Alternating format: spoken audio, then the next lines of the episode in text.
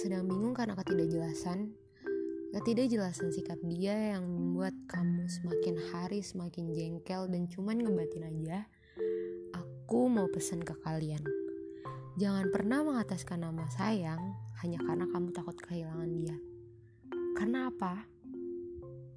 Karena dengan rasa sayang yang cukup besar yang kamu kasih ke dia, itu malah bikin dia semakin hari semakin seenaknya sama kamu. Kamu tahu nggak? Hubungan itu dijalannya bareng. Jadi berjuangnya itu harus bareng. Namanya kalau berjuang sendiri itu adalah lomba maraton, bukan hubungan. Jadi kadang memutuskan untuk pergi itu bukan karena nggak sayang, tapi biar bikin kamu lebih menghargai diri kamu sendiri. Karena hidup gak melulu soal mementingkan orang, hidup itu juga harus mementingkan diri sendiri. Bukan egois, tapi berlakulah adil sama diri kamu sendiri.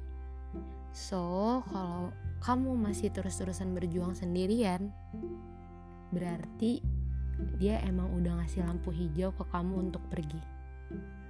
Semangat, jangan nyerah, karena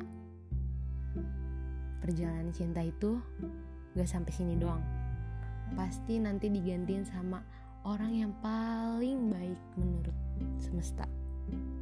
Love you.